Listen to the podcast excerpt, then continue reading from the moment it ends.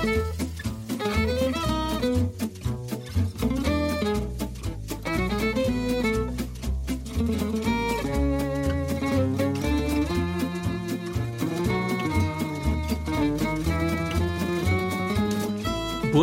og velkommen til en ny Tour de France-podkast fra Musett, procycling.no sin sykkelpodkast. Eh, med ti etapper ute i Tour de France. Vi har nå vært innom fjell, massiv sentral, eh, vi har fått sidevind. Eh, rittet har virkelig begynt å åpne seg, og spesielt i dag så fikk vi jo en skikkelig deilig eksplosjon i sidevind, ikke sant, Simon Esler og Theis Magelsen?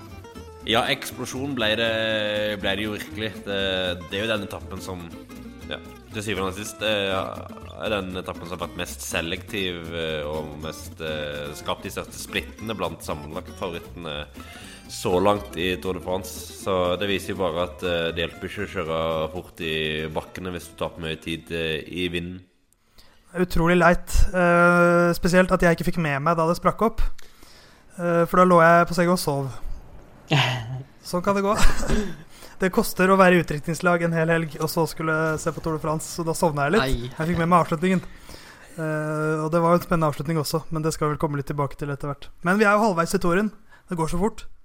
Veldig lang å si den første uka her, føler jeg egentlig. Jeg syns den har vært i en evighet, men uh, ja. Jeg sover bare gjennom alt, alle de viktigste punktene. Enda fortere, altså, jeg, apropos soving, jeg sovna på første etappe. Og Da sovna jeg når jeg var 60 km igjen, og lå og halvsov litt. Og, det, og, mot slutten så var jeg litt sånn halvveis våken, så jeg registrerte liksom at Grønneveggen gikk i bakken, og Tønisen vant. Men da jeg våkna, så trodde jeg jeg hadde drømt det. Så var det en ganske stor sjokk etterpå. Men, eh, det kan jeg forstå. Ja, men angående at Toren har vært eh, Eller føles veldig langt ut, lang ut så langt, eh, så spurte mamma meg i dag om jeg tror det får hans ferdig til helga. Så sa jeg nei, det er 13 dager til den er ferdig. Og hun bare Hæ?! Hva som skjer? Kanskje den føles litt ekstra lang fordi det så Altså, det har, det har gått ti etapper før den første hviledagen. Som er jo det, er kanskje bare én mer enn man har sett før, men allikevel. Ti etapper, da er man liksom Hvis du trekker fra den siste etappen i, i på Champs-Élysées, så er det, du er halvveis på de etappene som teller. Ja, vi er jo godt inne i rittet, og vi har jo fått sett, som Knut var inne på, sett mye allerede. Eh, og Sammendraget begynner jo virkelig å sette seg, så det er klart eh, en, er, en, er, jo halvveis. Eh, en kommer ikke under det. Så det, det har virkelig satt seg nå, men uh, Knut, det satte seg jo først på La Planche de Belfi. Ja, uh, sjette etappen. Uh, veldig tøff etappe med ja, seks kategoriserte stigninger, var det vel. Eh, og så avslutning opp eh, Superplanche de Belfi, som den ble vel døpt. Eh, det var et brudd som gikk inn der. Fikk en veldig morsom, morsom duell mellom Dylan Tøns og Giulio Ciccone, der eh, Tøns til slutt knakk eh, Ciccone på de siste meterne. Men Chicone Ciccone ble til slutt belønna med gul trøye da, etter hvert som favorittene kom i mål. Eh, og ble jo litt avstander der òg, Theis. Det ble det så absolutt. Det var jo Vi, vi fikk på en måte se litt uh, den spisskompetansen Geraint Thomas har, som han viste fram i 2018 også, i Tour de France, at uh, hvis ingen klarer å kjøre fra han um, før den siste kilometeren, så er han veldig veldig vanskelig å slå. Han har et, uh, et, en akselerasjon og et rykk der mot slutten som Et taktskifte, ja, kan man nesten si. Som er vrient for de andre å hamle opp med, for de andre litt seigere gutta. Så han virker å være i veldig god form. Jeg syns også Thibaut Pinot hevet sin sin standard blant favorittene. Den senket han jo på en tappe vi skal komme tilbake til. Men det handlet jo også veldig mye om timing, den bakken der. Det var jo Pinot et godt eksempel på. Mens Ala Filip, som jo gikk veldig tidlig, han stivna jo veldig på slutten. Så da ble det sekunder, seks sekunder i favør Chicone. Så det var jo en veldig spennende avslutning, i hvert fall. For etappen i seg selv var jo ikke sånn helt spinnvill. Nei, jeg må si jeg var litt uh litt sånn skuffa, for uh, du hadde lagt opp til en veldig hard etappe. Med, det var vel syv kategoriserte stigninger. Uh, Deriblant to førstekategorier før, uh, før den siste bakken. Så da var det sånn lagt opp til at det kunne skje en del, men så ble det jo kjørt fryktelig kontrollert. Og jeg føler det har vært litt sånn blant favorittene at, uh, at de ønsker å spare seg litt sånn så lenge som det er mulig. At en ikke ønsker å bruke masse lagkamerater tidlig i rittet. Og det er så forståelig, for det er et langt ritt, og den siste halvdelen av årets Tour de France er jo veldig tøff. Mm. Jeg fikk en del meldinger av folk som bare Å, det her var helt sjukt. Og så totalt slakta jeg etappen tilbake, da.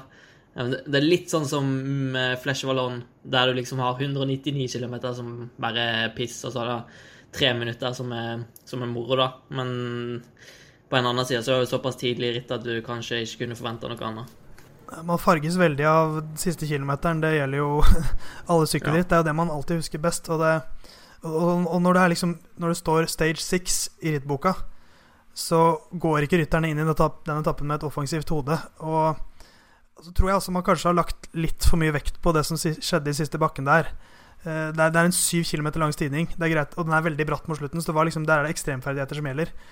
Um, så jeg tror ikke det er sånn nødvendigvis at uh, Geraint Thomas skal surfe til Tour de France-eier bare fordi han tråkket ifra på siste kilometeren opp der. Det, det kommer stigninger som er 30 km lange, uh, mens den her var 7. Så, men, men det, den første fjelltesten gjør, er jo at den avslører noen folk.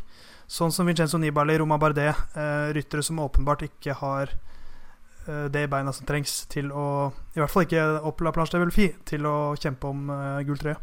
Nei, og Nibali har jo helt meldt seg ut nå på de eh, etappene som har kommet etterpå, så han er jo i hvert fall, i hvert fall ute av det. Eh, men klart, eh, den ga jo noen svar, og det, tyder jo på at i hvert fall Thomas er veldig bra, og det, det, har han jo vært litt usikker på. For all den tiden har jo knapt nok sett han egentlig på et veldig høyt nivå i år. Han har, var ikke helt i toppform i vårsesongen, og så krasja han ut av Sveits. Så sånn sett var det jo en, en eh, styrkemelding eh, sånn eh, sammenligna med Egan Bernal, som jo tapte Han tapte vel ni sekunder til Thomas opp selve bakken. Sjøl om Eller selv om, eller til tross for, det kan jo stille spørsmål ved. Men han eh, Bernal taua jo inn i den siste bratte delen. Så det er mulig at uh, det var, om det var for å begrense tidstap, eller fordi han kjørte litt for Thomas, kan en jo spørre seg litt om. Men uh, ja. Det var, det var, mange som tapte tid, uh, og, og, det er jo klart at han sa Kreuzweig imponerte jo heller ikke, men det var kanskje ikke en bakke som passa veldig bra for han igjen. Det er klart det er, en, det er en veldig spesiell finish. Det var litt, litt, grus også, sånn som Adam Yates sa jo at uh, han liker veldig godt å, å stå og klatre. Uh, og han følte ikke at han fikk uh, ordentlig feste, Fordi da ligger jo mer av trykket på fremre del av sykkelen. Så det er, det er, en veldig spesiell stigning, og veldig annerledes sammenlignet med det som kommer senere i Tour de France. Men så kan man jo prate mye om Team Inios, men eh, det slår meg heller ikke som en bakke som passer Bernal helt perfekt. Så Men eh, det vipper jo skåla litt i favør for Thomas, da, innad i, i Inios i hvert fall. Ja, På samme måte så føler jeg det er en bakke som passer veldig godt for Thomas. For han, han eh, liker jo å klatre eh, sittende. Eh, så når det blir så bratt og det er problemer med å stå, så er det jo en fordel å ha sin spisskompetanse i, mens du sitter. Eh, veldig annerledes avslutning på Planche de Velfi. Eh, veldig annerledes var òg den påfølgende etappen, som var en relativt flat etappe. Eh, årets lengste etappe til, fra Belfort til Chalon-sur-Saône. Eh, og der eh, leverte Jumbo Visma varene igjen, Simon. Ja, de, de sleit jo i opptrekket på den fjerde etappen, men eh, på etappe syv så så det mye bedre ut igjen, og da da fikk de Grønnevegen i den posisjonen han uh, trengte å være. Og da var det rett og slett uh, full klaff. For en, for en tour de har, Jumbo Visma. Det, det, det, det vi, vi, vi, kan kalle dem eh, norskbackede Jumbo Visma. Visma har i hvert fall fått god valuta for pengene sine der. og Grønnevegen, at han fikk en etappeseier, og veldig fortjent som kanskje feltets raskeste mann. Så da har han sin fjerde etappeseier, vel, i Torun?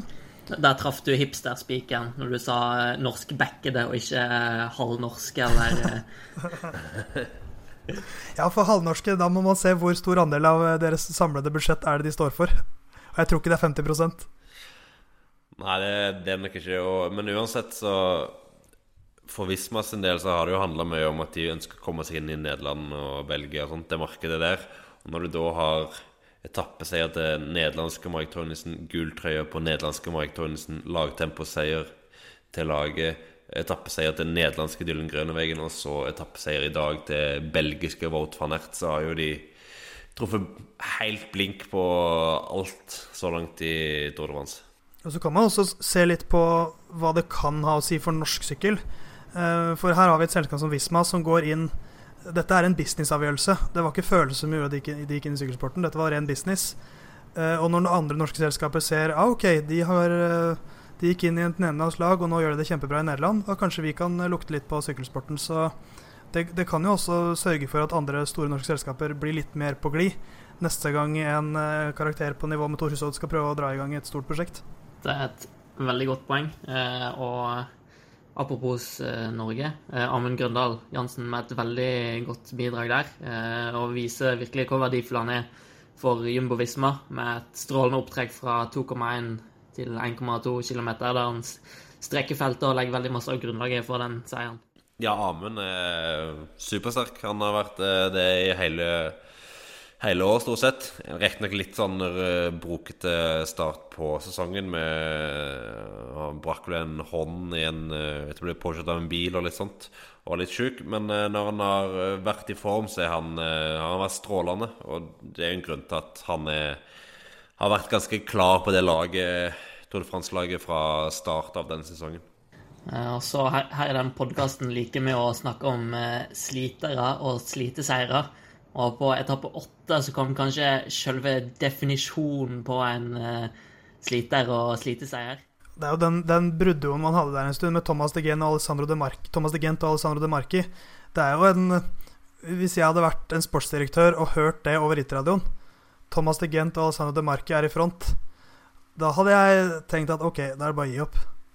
For det er eh, mye kjørestyrke de to gutta der. Og spesielt da i Thomas de Gent, som jo har han er så flink på det der, å plukke seg ut sine tapper, og så går han for det 100% Og så går det oftere enn det gjør for de aller fleste andre ryttere, for han eh, Nei, han, for en jernmann. Han sa vel det selv, at det er sjelden han har gravd så dypt. Jeg er egentlig litt overraska at han uh, klarte å vinne. For jeg, jeg synes, I giroen så var han jo ja, og mange bruddetapper i giroen, og da var han jo konstant nevnt opp i favorittsjiktet. Men han klarte jo egentlig ikke å få til noe særlig der. Eh, og han har jo prøvd seg litt i brudd i, så langt i Tour de France. Eh, og han sto på den eh, sjette etappen til La Planche de Bellefie, så var han jo egentlig ganske sjanseløs når, når kjøret virkelig starta i, i, bakken der. Så jeg var litt usikker på om han fremdeles hadde nivået inne til å ha en av de der ekstreme soloseirene sine. men det hadde han jo tydeligvis. Og det er jo Han har en Altså, Altså, det har blitt lagt ut eh, diverse tweets og sånt fra, med wattverdien og sånt han hadde over bakken og etappen generelt, og det er jo det er et helt rått nivå, ganske enkelt. Og så er det jo fint for han at han får en, en seier i Tour de France som huskes. For dette er jo hans andre etappeseier i Tour de France. Og den forrige kom jo på den nedkortede Mont Ventoux-etappen i i 2016, var det vel. Da, den etappen som huskes for Chris Froome sin, eh, sin, løping.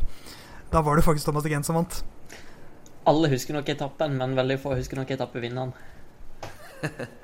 men denne gangen var det han som sto i fokus. Og, det, og så er det jo det at han har, han har dette prosjektet hvor han skal sykle alle Grand Tourene i år. Så det er mulig at han har uh, altså bevisst kanskje ikke vært helt i toppslaget i uh, giroen, og kanskje ikke går helt i kjelleren så veldig mange ganger, da. Men eh, han gikk i kjelleren eh, på den etappen her, i hvert fall. Og det ga avkastning. Men det var ikke mye om å gjøre. Eh, det var jo Thibaut Pinot og Julian Alphilippe, en sånn herlig fransk koalisjon der, som bare var seks sekunder bak. Ja, veldig Altså, at Alaphilippe angrep var kanskje ikke så overraskende, men at Pinot angrep på en sånn, sånn etappe var kanskje litt mer overraskende. Han er jo tydeligvis i kjempeform, bare at han ikke er så god til å henge med i sidevind. Så jeg tror nok Pinot kunne virkelig kjempe om eh, seieren i år. Eh, og da er det jo med sånne angrep at han må snike til seg litt tid, siden han eh, nok taper litt tid til Thomas, i hvert fall på tempoen. Så et veldig et, et, nydelig angrep skal faktisk strekke meg til å si. Men dessverre så Ja. Du får ikke så mye igjen av det når du taper 1,40 dagen etterpå. Eller to dager etterpå. Du gjør dessverre ikke det. Um, På den påfølgende dagen, 9. etappe, fra Santet igjen til Briod, så var det en ny sliteseier. Ja, det var jo et brudd som gikk inn der også, med ganske god margin, der Edvald Baason Hagen satt med. Man, da, man, da man så de rytterne han kom i brudd med, og så får seg den finalen med den siste bakken der, som var vel 3,5 km med drøye 7% eller noe sånt, så skal det godt gjøres for Edvald å nå opp i det selskapet der. Altså, det der er på, helt på grensen av hva han skal være kapabel til. Så i hvert fall sånn som han er nå for tiden. Uh, så ble det jo en duell mellom Tish Benot og Daryl Impey mot slutten. Uh, Benot som er en mann uten akselerasjon, så da tror jeg vel både han og Daryl Impey skjønte hvor det gikk hen. Og det var vel derfor Impey var så keen på å kjøre ganske hardt mot slutten her òg. Og så skal jeg innrømme at da spurten gikk, så var det et lite øyeblikk hvor jeg tenkte at oi, har, har Benot tatt ham på senga der? Fordi at det så ut som om Impy kanskje kunne bli sperra. Men så hadde han jo full kontroll, og Benot skjønte jo med en gang han kom opp på siden at det var over. Ja, Men uh, fortjent. Og Mitchelton Post Mitchelton Post Mitchelton Scott eh, posta en, en, video, litt bakom video fra der, eh, der du ser Eh, Matt White i følgebilen som er vel bak eh, hovedfeltet, da, snakker med noen rytter, av sine egne ryttere som blir hekta av. Og er bare helt euforisk og brøler at Impi er alene med Benot med to kilometer igjen, for han skjønner jo veldig godt hvordan det kommer til å ende. Nei, altså, jeg, jeg tenker jo at eh, altså Edvald kjørte, hvor han jo ble sammen med Tony Martin den dårligste i bruddet, det er jo noen på papiret litt, eh, litt skuffende, selv om jeg kanskje ikke tenker at, eh, at han nødvendigvis skal henge med de aller, aller beste over den siste bakken. Men uh, nå har det jo kommet fram at uh, han Det har vært litt mageproblemer innad i Dimension Data, og at han egentlig ikke skulle være med i det, med det, i det bruddet, men at han hadde veldig lyst, og så fikk han litt, kanskje litt tro når han eh, da kom seg med i bruddet, men klart når det var mageproblemer, så setter det jo det setter en litt tilbake. Og det har jo vært eh, teksta litt med Gino van Oden, og han sa det var fire av fem eh, ryttere innad i laget som har slitt med mageproblemer. Så Coffindis òg mista jo to ryttere med mageproblemer, og det, var, det, ble jo isolert. Så det har vært noe, sikkert vært litt i, som går i feltet. Og når du ja, når du har mageproblemer, så er det kanskje i hvert fall en liten unnskyldning for at du ikke henger med. Ja, for du tenker jo at sånn i utgangspunktet skal han kanskje ikke være så langt unna Oliver Nasen og Jasper Støyven, som kjemper eh, like bak Benot og Impi. Nei, det er sant. Um, men uh, som Simon sier, uh, det er vanskelig når kroppen ikke er 100 Og Oliver Nasen har vært uh, strålende i år. Jasper Storven har sett veldig bra ut i Tour de France. Så så vi får bare satse på at han kommer seg gjennom de problemene, og at han, kroppen våkner litt til den siste uka. Ja, han, han så piggere ut i dag, og han skal være frisk ennå. Så det var kun i solo som sleit litt nå med, med sykdom. Så, men nå er det jo en hviledag, så de er kanskje friske igjen til onsdagens etappe. Blir nok godt med en hviledag i morgen, tirsdag. etter det som på papiret så ut som en Eh, skulle ende i en spurt, men ble ganske frenetisk den eh, siste timen med voldsomt sidevindskjør. EF eh, e Education prøvde å initiere med rundt ja, fire mil til mål, vel. Og så skjedde det ingenting, og så gikk det to minutter, og plutselig var de bakleksa når Quickstep åpna det i, i sidevinden.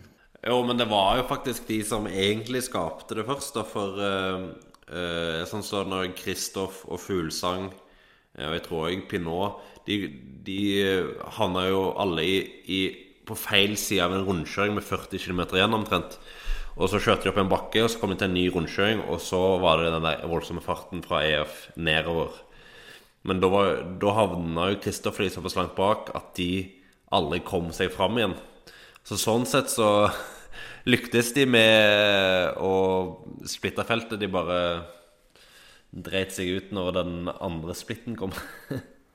Men det er, eh, det er jo neppe tilfeldig at nok en gang Team Inios, tidligere Team Sky, klarer å havne på rett side av en splitt. Jeg, jeg, jeg føler det alltid er historien i Tour de France. At er det sidevindkjøring, så er de alltid på rett side med sin kaptein. det eneste som mangla eh, i den historien der, var jo at Nairo Quintana var på feil side, men i år var han faktisk på riktig ja. side. Nei, men de, de, vi må, altså det, er jo Luke, det er jo nå Luke Rowe virkelig viser sin styrke. For en mester han er i sidevindskjøring. Ja, han er helt, helt fantastisk. Vi så jo det i Paris-Nice blant annet, når han eh, eh losa Egan Bernal trygt gjennom de tøffe etappene der. Men da var, da var, det nesten som han bare kødda. Han satt jo foran i, for førstevifta og bare gliste.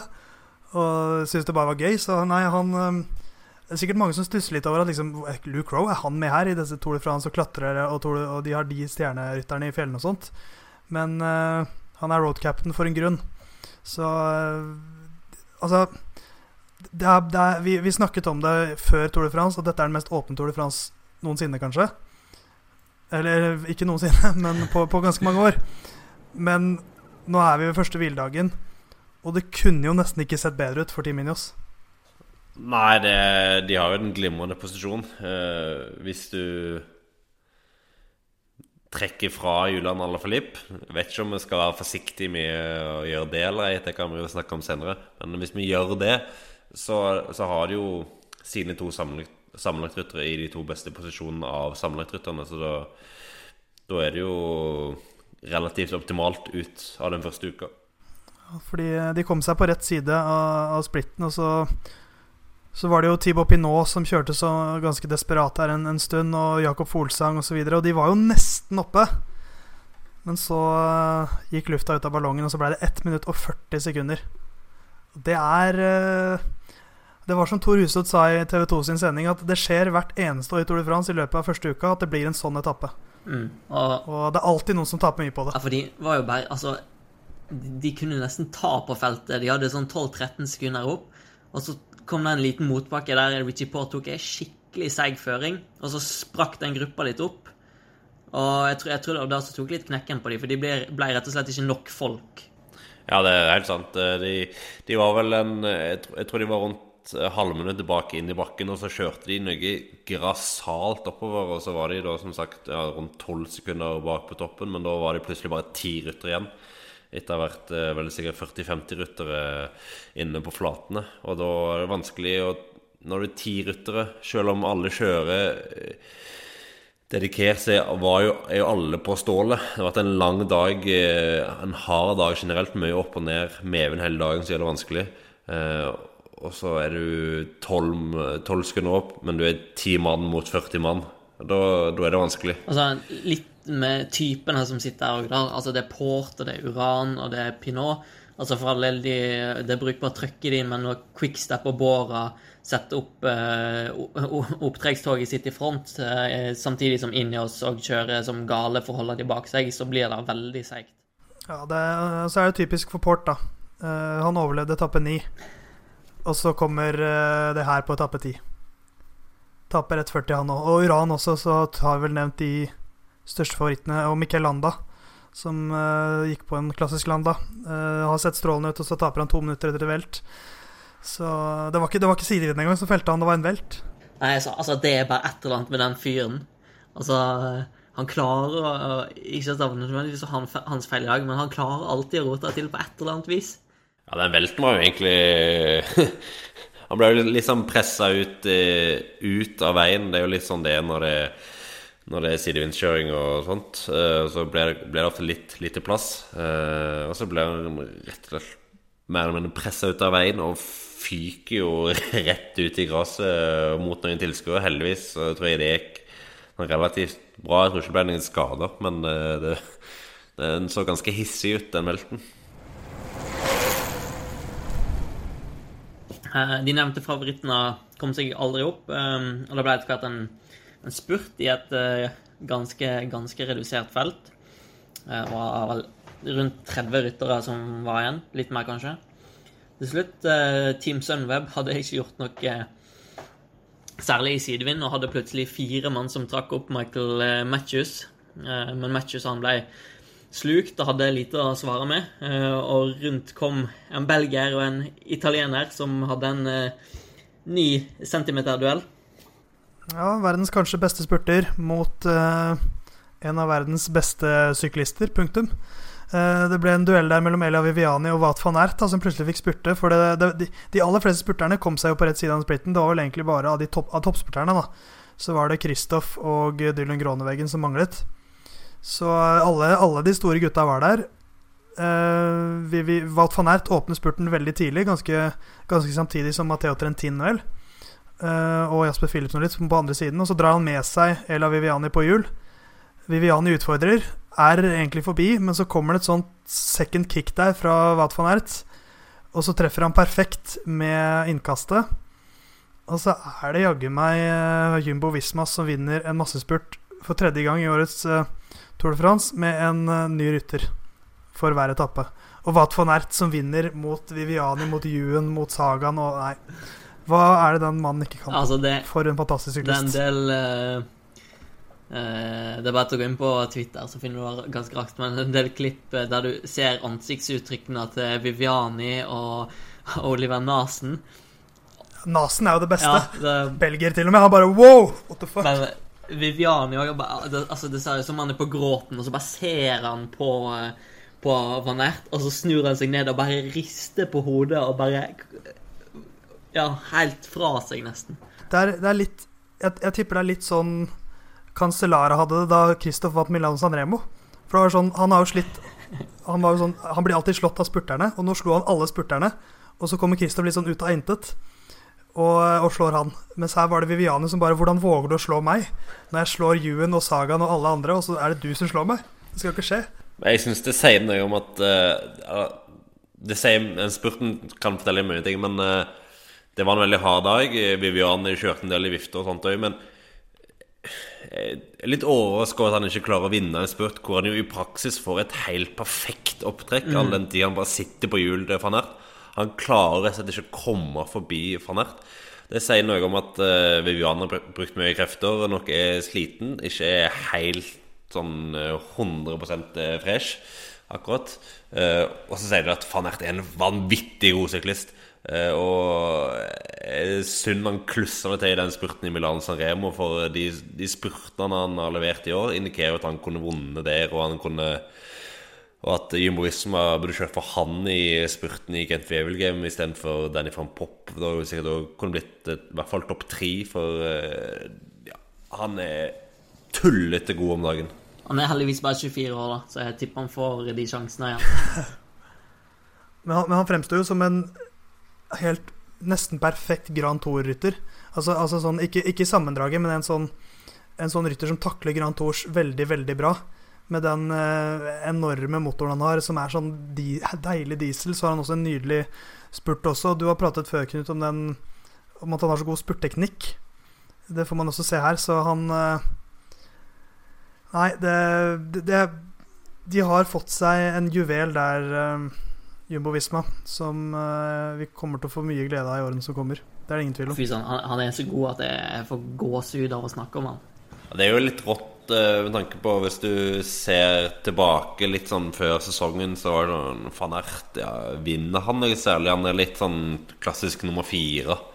Og så har han levert nå seier på seier de siste, den siste måneden og viser at han eh, virkelig har tatt det steget, og han eh, må jo være eh, en virkelig toppfavoritt i klassikeren neste sesong med det laget han har rundt seg. Ja, for jeg skal innrømme at jeg tenkte litt det samme som, som det du sier der. At sånn jeg, jeg, tror kanskje jeg har blitt litt farget av, av å se han sykle cyclocross. Hvor han har blitt litt herja med av Mathieu van der Poel de siste årene. Men klart å vinne VM, da. Men men det som slår meg nå, er at han er kanskje en, passer enda bedre på landeveien. Uh, med en konkurransetid som er mye lengre. Mens van der Poel er jo et unik, sånn ekstrem eksplosiv rytter. Som kanskje har vært litt vanskelig å få has på i de litt kortere rittene. Han står jo veldig godt distansen, han òg, det skal sies. Men, uh, men at Wat van Aert skulle vinne så mye, og, det den liksom det, det, det, er så forskjellig seier også, med liksom temposeiere og spurt og nei, det det er eh, Det er bare å ta av seg hjelmen og, og hylle Jumbo Visma også, som viser at de er et veldig sterkt kollektiv. Hello, I'm Alberto Contador and listen to shit. Odd Christian Eiking, han har eh, Ja, hvis ikke si han har vært sutrete, men han har vært litt sånn eh, småfurten og irritert over at han ikke har, har kommet seg med i brudd, og at han har blitt litt hindra i å komme seg med i brudd. Og... Men i dag så, kom han seg med i brudd, da. Selv om det kanskje var litt eh, dødfødt fra starten av.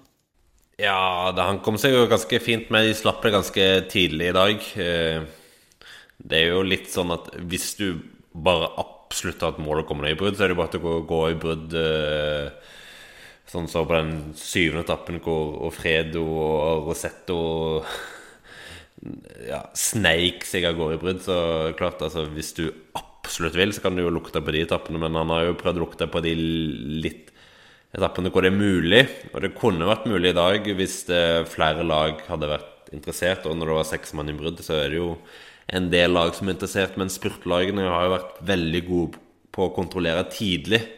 Eh, du har hatt eh, en to-tre lag som alltid har tatt kontroll tidlig. Da fikk jo bruddet aldri mer enn fikk jo ikke mer enn tre minutter i dag. Eh, men fint å se at at beina i hvert fall er der. For han viste jo det på den niende etappen hvor han uh, var med favoritten inn og vant eh, spurten i hovedfeltet. Uh, og i dag at kroppen i hvert fall stemmer sånn noenlunde. Og det er jo fint å vite.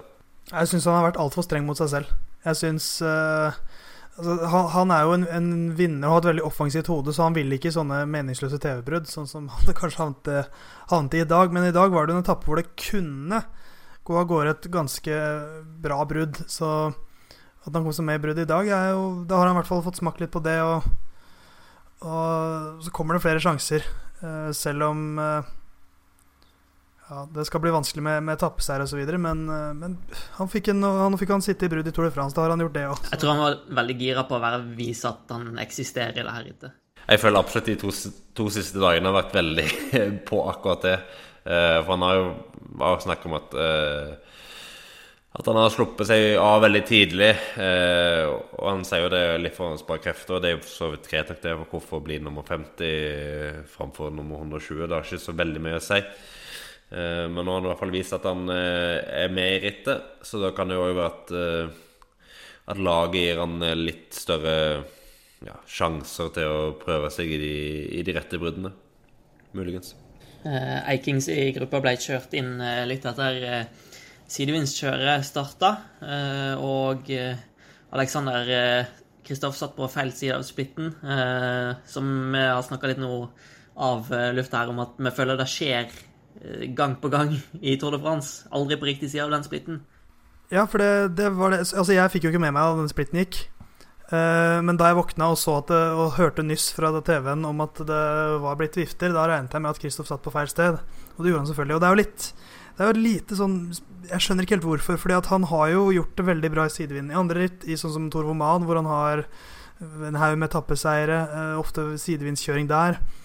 Um, og så er det liksom i Tour de France så sliter jeg med å finne et eneste sted hvor han har hengt med på rett side. Så da skjedde det selvfølgelig i dag igjen. Ja, det, det, har vært litt sånn klassisk eh, Jeg husker den tappen som Sagan vant når han eh, gikk i et firemannsbrudd med Froome eh, på slutten, hvor Kristoffer var veldig nære ved å være med. Eh, så da var han jo egentlig veldig bra med. Men ofte så har han vært eh, for langt bak. Ofte så har det vært eh, sånn, ja, velt og sånt, og plutselig hardkjør i en bakke. Men det, det handler jo gjennom at da sitter du for langt bak til å begynne med, da. Eh, og det, det handler jo selvfølgelig om at i et ritt som Tour de France er det jo fryktelig mange sammenlagtfavoritter som har veldig sterke lag rundt seg, som uh, rett og slett beleirer denne fronten. Uh, og i dag så var det jo en rundkjøring som ble kjørt uh, feil vei fordi ja, han ble pressa inn, inn, til venstre. Det var ganske smal avkjøring på, på høyresida som gjorde at han tapte veldig mange posisjoner rett før det starta etter han egentlig var i den 20.-30. posisjon, så hadde han vært med normalt sett. Men eh, det, ja, som dere sier, det begynner å bli mange av de hendelsene hvor det, det, det ikke går. Eh, da er det ikke bare uh, uhell. Da er det litt, litt udyktighet òg. Nå var det en potensiell sjanse for han her, da. Eh, som vi sa i starten, det har vært eh, ti etapper nå. Eh, folk er veldig slitne, så det kunne vært en gyllen anledning for han til å spurte mot ryttere med litt slitne bein. Eh, hvis vi skal snakke litt sånn spurtmessig, da, så var jo forrige sjansen han hadde eh, på etappe sju, men der sleit han og Philipsen litt med å, å finne hverandre kontra Eller de mista hverandre. Eh, kontra fjerdeetappen der det gikk veldig bra. Ja, det, det, er jo litt sånn typisk når det er en, et veldig nytt samarbeid, at det blir litt sånn hit and miss. At noen ganger så går det veldig bra, uh, men så blir det kanskje litt bom litt oftere enn det blir treff. I hvert fall i det selskapet her. Uh, og når den spurten blei så når, når, man ser utfallet av spurten, så tror jeg nok Kristoff kunne vært med og kjempe om seier i dag, hvis, det, hvis han hadde hengt med. Uh, så jeg vet ikke helt hva jeg skal Altså, han, han har to topp ti-plasseringer nå, en andreplass og en tiendeplass. Uh, I fjor var han flere Han vel fire topp ti-plasseringer i starten, men jeg føler han har vært nærmere seier allerede nå enn han hadde vært på tiende etappen i fjor. Så jeg syns egentlig at det han har levert, er helt godkjent. Det er, altså det er, det er ikke dårligere enn forventa. For i, i, en spurt med et nytt oppdrettstog så er det veldig mye som kan gå galt. Og det har gått galt et par ganger og truffet veldig bra en gang, og da ble det nesten seier.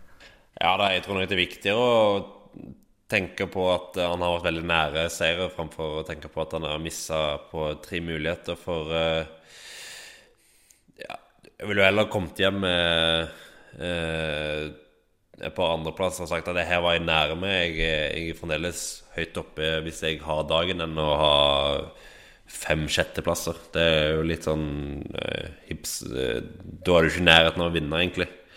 Så jeg syns han, han, så veldig positiv ut på den fjerde etappen, men uh, han var jo litt negativ etter dagens etappe, når han snakket med Hørte på radioen på NRK. og da Snakket om at uh, han følte han ikke var helt i toppform og litt sånn.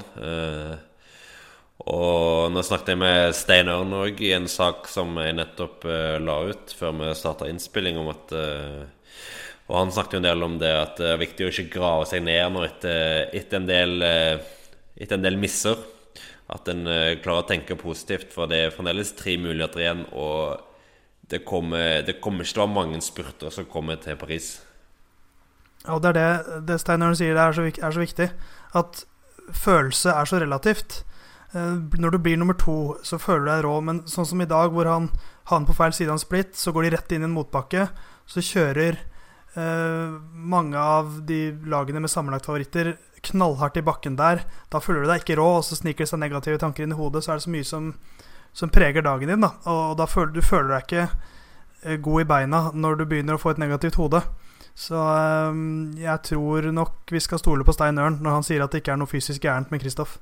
At han er der han skal være. Ja, altså Det er jo umulig å si hva utfallet hadde blitt hvis Kristoff hadde vært med i den gruppa. Altså, Hovedårsaken til at han føler, føler negativt er jo først og fremst for at han ikke var med i den første gruppa. Ja, så jeg tror nok eh, det skal bli godt nå, både for han og resten av rytterne, å få en liten hviledag nå, koble litt av. Og så, så må Kristoff prøve å tenke positivt. Så er det en ny mulighet på onsdag. Eh, sannsynligvis siste muligheten sammen med Philipsen. Han skal etter planen reise hjem eh, etter onsdagens etappe. Eh, og så får de prøve å legge en slagplan og se om de klarer å utføre den like bra som de gjorde eh, på den fjerde etappen. Det må føles litt sånn som du Altså, det er hviledag i morgen, så det er etappe onsdag, og så skal du hjem etter det. Det må føles litt sånn som når du, du leverer oppsigelsen på en jobb, liksom, og bare du må slite deg gjennom de siste dagene før oppsigelsestida går ut. Han nye, han får, vi får håpe han er en sånn type som eh, fullfører arbeidet. Ja. At han, eh, for han kan jo da gi seg med verdens beste følelse hvis han trekker Kristoff til seier. Så eh, han slår meg litt som typen også. Så han fikk jo muligheten til å spurte i dag.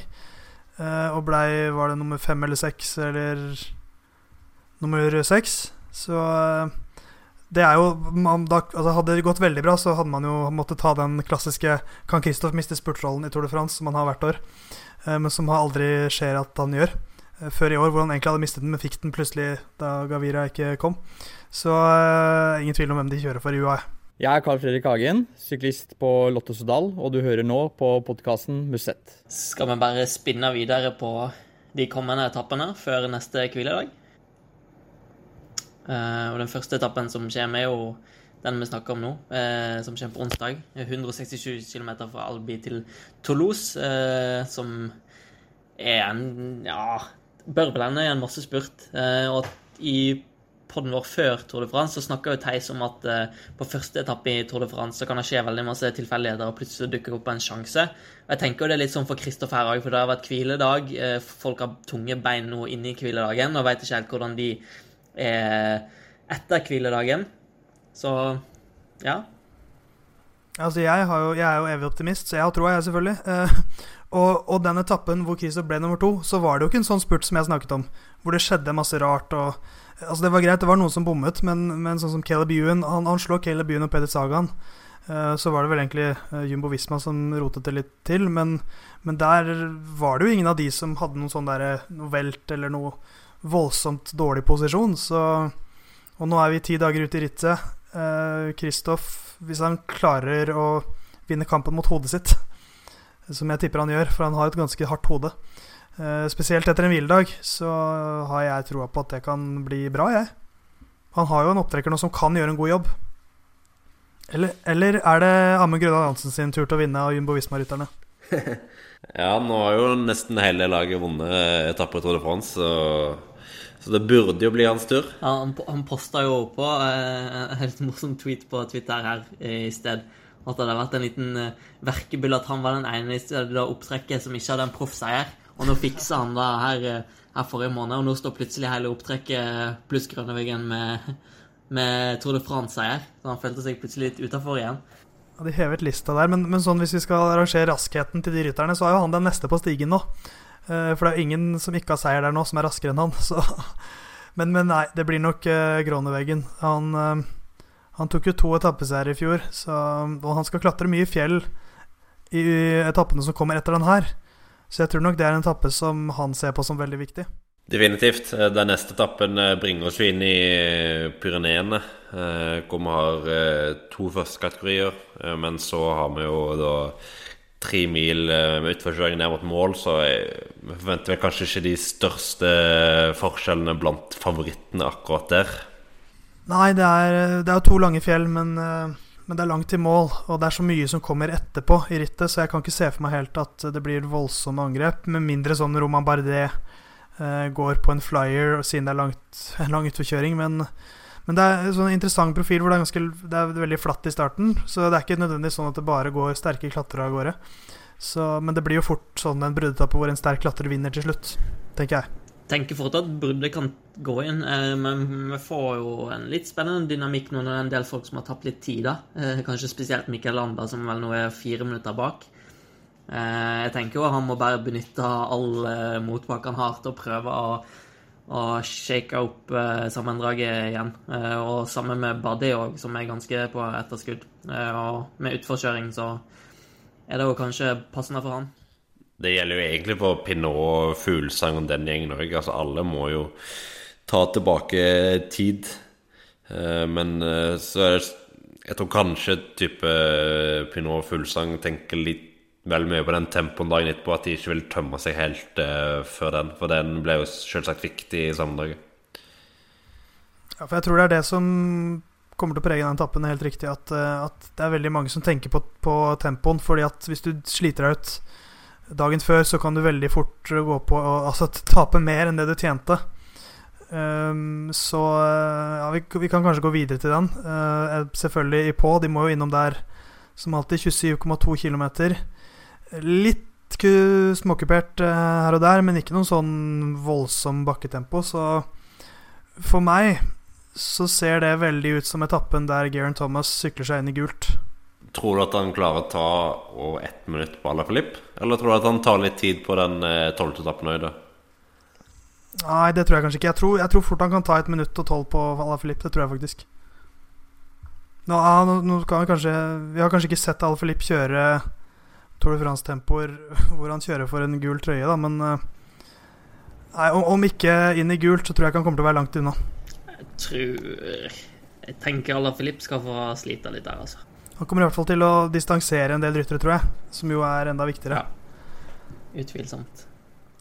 Så det blir jo veldig interessant å se hva som skjer med Egan Bernal der. For nå, nå er den luken så liten det at, at, det er liksom ikke så mye å snakke om, egentlig. Det er fire sekunder.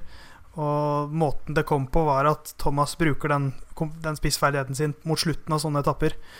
Uh, så når, hvis, han, hvis han tar Hvor mye kan han ta på Bernal her? Jeg syns det er vanskelig å si halv minutt. 45 sekunder, tipper jeg. Ja. Si et halvt minutt til 45 sekunder, da. Så, så, begynner den ledelsen å krype opp mot minuttet.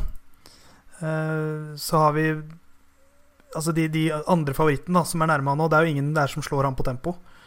Så det kan fort bli en fin ledelse der etter den etappen som Thomas kan forsvare. Både Kreuzweig og Fuglesang har gjort veldig gode tempoer da, i, i, det siste, så jeg tror kanskje de òg kan være ganske tett på. Ja, da er det, det er liksom Krausweig da, som er faremannen, i og med at han har en ganske bra luke på Fuglesang allerede. Men uh, Nei, det blir spennende. Uh, hvilke, sånn som Adam Yates, Naru Quintana Det er jo ryttere som taper tid, det òg. Ja, eh, det, og det ligger jo an til at Altså, det er jo den tempoen da som er der Thomas kan eh, Ja, han kan jo gjøre forskjellen i fjerde dag, da, men først og fremst der. Eh, men så kommer det jo vanvittig masse klatring den, den siste uka etter, etter tempoen. Den påfølgende dagen, på lørdag så skal de opp eh, Tourmalet, eh, Colussolor først, eh, sånn halvveis på etappen. Og så er det Tourmalet, 19 km, 7,4 eh, Etappen er bare 118 km lang. Eh, tempo i beina, eh, temposittestilling og litt annen muskulatur, så er det muligheter for å, å få til noe allerede der. Jeg tenker det blir den eh, virkelig store testen for Alaphilippe, da. Eh, nå har han eh, levert et vanvittig bra ritt eh, så langt. Uh, vi snakket jo litt i forrige på om at vi kanskje ikke helt trodde på at han skulle holde gult etter La Blanche de Bellefie, men det gjorde han jo på en glimrende måte. Men vi skal huske at det var 20 minutter, og det er ja, på grensa til jeg, tror det er rundt der Alaphilippe tåler. Eh, men Tomalé, da begynner vi å snakke opp mot eh, sikkert 50 eh, minutter eller noe sånt. Ja, jeg tror det er en time, jeg. ja. og det tror jeg blir en helt annen utfordring for Ala Filip. hvis han klarer å henge med favorittene der, så da er han jo virkelig en kandidat for i hvert fall podiet. Men jeg har vel min tvil til at han klarer å gjøre det så bra. Jeg kan se for meg at han, at han kan gjøre litt som Vøkler gjorde i 2011. Um, at han eh, kjører bedre i fjellene enn han har gjort noensinne. Men allikevel at det, det, lekker ut litt tid på hver eneste fjelletappe, og så blir det en sånn topp ti-plassering til slutt. Um, men jeg kan, se, jeg, kan, jeg kan, ikke tenke meg at han, som er så eksplosiv, uh, kan henge med i disse veldig lange bakkene også, så så om ikke Thomas sitter i gult etter tempoen, så tror jeg så tror jeg han gjør det der. For eh, jeg, ja, jeg Han sa før Tour de France at, altså, og før Sveits rundt egentlig òg, at han har aldri følt seg mer selvsikker enn det han eh, gjorde, nå, gjorde, da. Og nå skjønner jeg litt hva han mener. For selv om han bare har blitt vært opp, opp La Planche de så syns jeg han ser veldig bra ut. Selv etter de to veltene han har hatt også. Han har jo ikke gjort noe har jo, Alt har jo gått bra, bortsett fra de veltene der. Ja, begge de veltene slapp han jo kjempebillig unna. Uh, ingenting fra den første etappen. Uh, man velta på den uh, Var det i går? Eller åttende etappen, var kanskje? Mm, godt spørsmål. Ja, det var, det var åttende. åttende etappe, ja. ja. sykkelen hans ble jo totalvraka, men han, han gikk det helt fint med. så ja, det har gått veldig, veldig på skinner litt sånn teflonbelagt. Og, og Egan Bernal er jo ikke en sånn slår meg ikke som en type som kommer til å dolke han i ryggen heller. Så, så eh, det er veldig fryd og gammen nå, men det er jo ikke gitt. Det er jo bare antakelser. Vi har jo ikke sett han i et veldig langt fjell enda Men eh, må, han må angripes. Og så er det jo dette spørsmålstegnet med Injos, som kanskje har et klatrelag som ikke er like sterkt som det var i fjor. Så får vi se om de har spart Wout Pools til siste uka. Jeg tror kanskje ikke de vil begynne å bruke han allerede på Tourmalet, men, eh, men det er mulig å angripe han. Og det er mange nå som er nødt til å angripe. Ja, eh, flere muligheter kommer da på eh, søndagens etappe. 185 km fra Limois til Foix. Det er siste etappen før en ny hviledag. Neste hviledagen er neste mandag, 22. juli. Hvis du ser på profilen ser det sånn ut som en sånn der eh. Eh, men det er 5000 høydemeter eh, og en 12 km lang stigning med 7% som skal avslutte det opp Pratt Albis. Så det er absolutt en veldig tøff etappe. Det er som en litt hardere utgave av La Planche de Belfie-etappen. Så, eh, det, og, da, da, og det kommer mye senere inn, inn i rittet. Det har vært uh, tre sammenlag... Den tredje sammenlagtdagen på rad. Så det er jo Fjerde. Den, ja, fjerde, selvfølgelig. Mm. Så uh, Så det blir uh, Det blir jo bare en sånn Sånn som disse Grand Tourene alltid blir. Det blir sånn utskillelsesritt. Hvor Hvor det gjelder å, å, slite ut hverandre over de siste, siste ti etappene. Mm. Og eh, her på, på, denne etappen så er det er en andre kategori etter 60 km. Eh, og så går du inn i eh, første kategorien Portelers eh, til 108,5 km.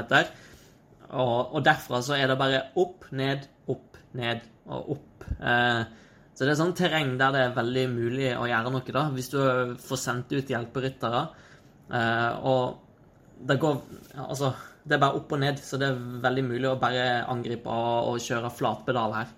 Lukter det en Movistar sender to-tre hjelperyttere i brudd, og så prøver de å angripe med men så blir han kjørt inn? og så vinner Thibaut Pinot etappen? Oh, sexy. Jeg, jeg syns han ser så bra ut, jeg. Til tross for det, det at han havner på feil side i sidevinden, så syns jeg aldri han har sett bedre ut enn det her, nesten. Nei, enig. Kanskje, kanskje i fjor høst. ja. Eh, nei, han ser råsterk ut, så det var veldig synd for, eh, for franskmennene at, eh, at Pinot tapte mye tid i dag. For det, jeg tror det gjør at han ikke er i stand til å vinne Tour de France. Han er, han er nødt til å ha Tour de France og gå på skinner, og det, det gjorde jo ikke i dag. Jeg håper ikke det knekker han, for han er litt sånn type som der det mentale er veldig viktig. Så hvis han nå knekker mentalt etter det her, så kan vi vinke natta. Men han kan fortsatt havne på podiet, han, altså. Ja, jeg krysser fingrene for deg for det som stor Pinot-fan. Simon har venta på det her i årevis nå. Jeg har jo havna i en tråd eh, på Twitter eh, med andre Pinot-fans eh, hvor stemningen bare gått gradvis opp, opp, opp, opp, opp. Og så var det bare fall til bunnen i dag. Det var Eget, pin eget Pinot-samfunn. Det er vakkert.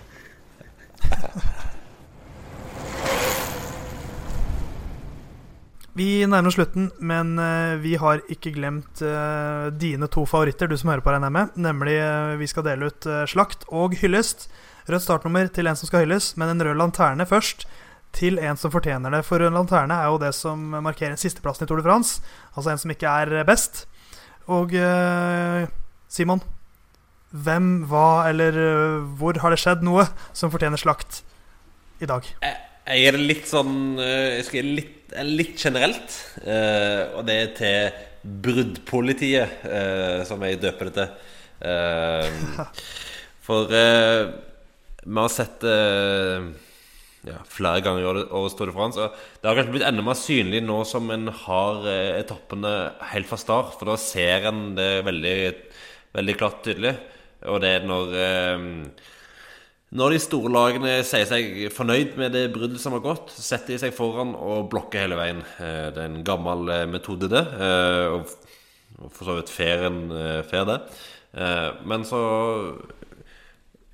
vil jo ofte ryttere prøve å støte seg opp, for de tenker at her er ikke vi representert. Vi vil ha en mann med i bruddet.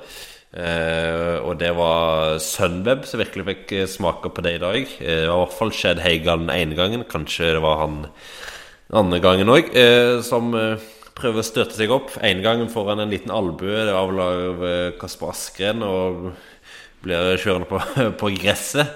Og eh, en annen gang så er det en liten sånn eh, møteplass-type eh, lomme. hvor han prøver å komme seg forbi. Og da tjener både George Bennett og Yves Lampert rett ut. og effektivt presser han bare enda lenger til høyre, sånn at han må rett og slett bare må hogge i bremsene. Og de to sistnevnte fikk begge bøter og tidsstraff eh, i dag. Og det er helt korrekt, for det er greit nok at du skal være bruddpoliti, men gjør det på en eh, god og fin måte. Ikke hold på å eh, slenge stygge ord eller eh, komme albuer eh, steder de, der de ikke skal være. Eh, folk eh, lov må få lov til å støte. Det er ikke sånn at en skal holde på å dra folk igjen. Det, det, det er ikke noe bra. Det er veldig fortjent. Og så kan man si at ja, hvis de vil sånn i brudd, så kan de stille opp først på startstreken, men uh, det er litt uh, vanskelig i Tour de France, kanskje, for der skal alltid trøyene først. Og hvis det blir sånn terrorkappløp hvor det er om å gjøre å komme først til startstreken, så står de der fire timer før starten plutselig. Så det vil vi ikke ha, så, og det vil ikke Tor ASO heller, så Nei, det, da, da, får man jo sånne etapper hvor bruddet går på tre sekunder. Det er jo det vi helst vil prøve å unngå. Så da er det bra at det blir slått ned på når de drar det for langt i dette, denne, denne, sperringen. Ja, det er ikke lett å legge skjul på at altså, for folk som ser på, så er jo Tour de France underholdning. Eh, mange som fascineres av utholdenhetsaspekter og sånt her, men du ser jo først og fremst på det for at det skal være action. Og det er veldig kjipt at folk tar i bruk sånne virkemidler for å drepe etappen. Jeg skjønner så klart at de Eh, sitter oppi det, har en jobb som er ekstremt fysisk krevende, som skal gjøres, og de blokker jo rett og slett fordi eh, de ikke vil at det skal være helt, eh, helt Texas. Men sånn fra et CS-perspektiv så er det kjipt at etappene blir blokkert på de måtene der. Det er veldig, veldig kjipt. Så vi får håpe rytterne slutter med det. Men det har skjedd ting i Tour de France som har vært langt fra kjipt. Og Knut, du har fått æren av å hylle en som fortjener det. Ja, jeg er veldig glad i å hylle lidenskapelige folk eh, og folk som er slitere. Eh, og vi har jo vært inne på han her tidligere. Eh, Daryl Impey. Han er Vi fant vel ut her i stedet at det er tre og en halv ryttere som har vært i det som starta som Orica Green Edge i 2012. Eh, det er Sam Bewley eh, som kom inn som kom inn som stagiær eh, halvveis i sesongen i 2012. Så har du Luke Durbridge og Michael Hepburn og Daryl Impey. Og Jeg nevnte jo den her bakom-videoen til Orica Green Edge eller Mitchelton Scott, Scott.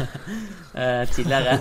og da forteller jo um, sportsdirektør Matt White litt om, om historien til Impi. da. Og Han var, han var visstnok den siste rytteren de signerte i 2012. Og Matt White sier at det er den klart mest verdifulle signeringa de har gjort.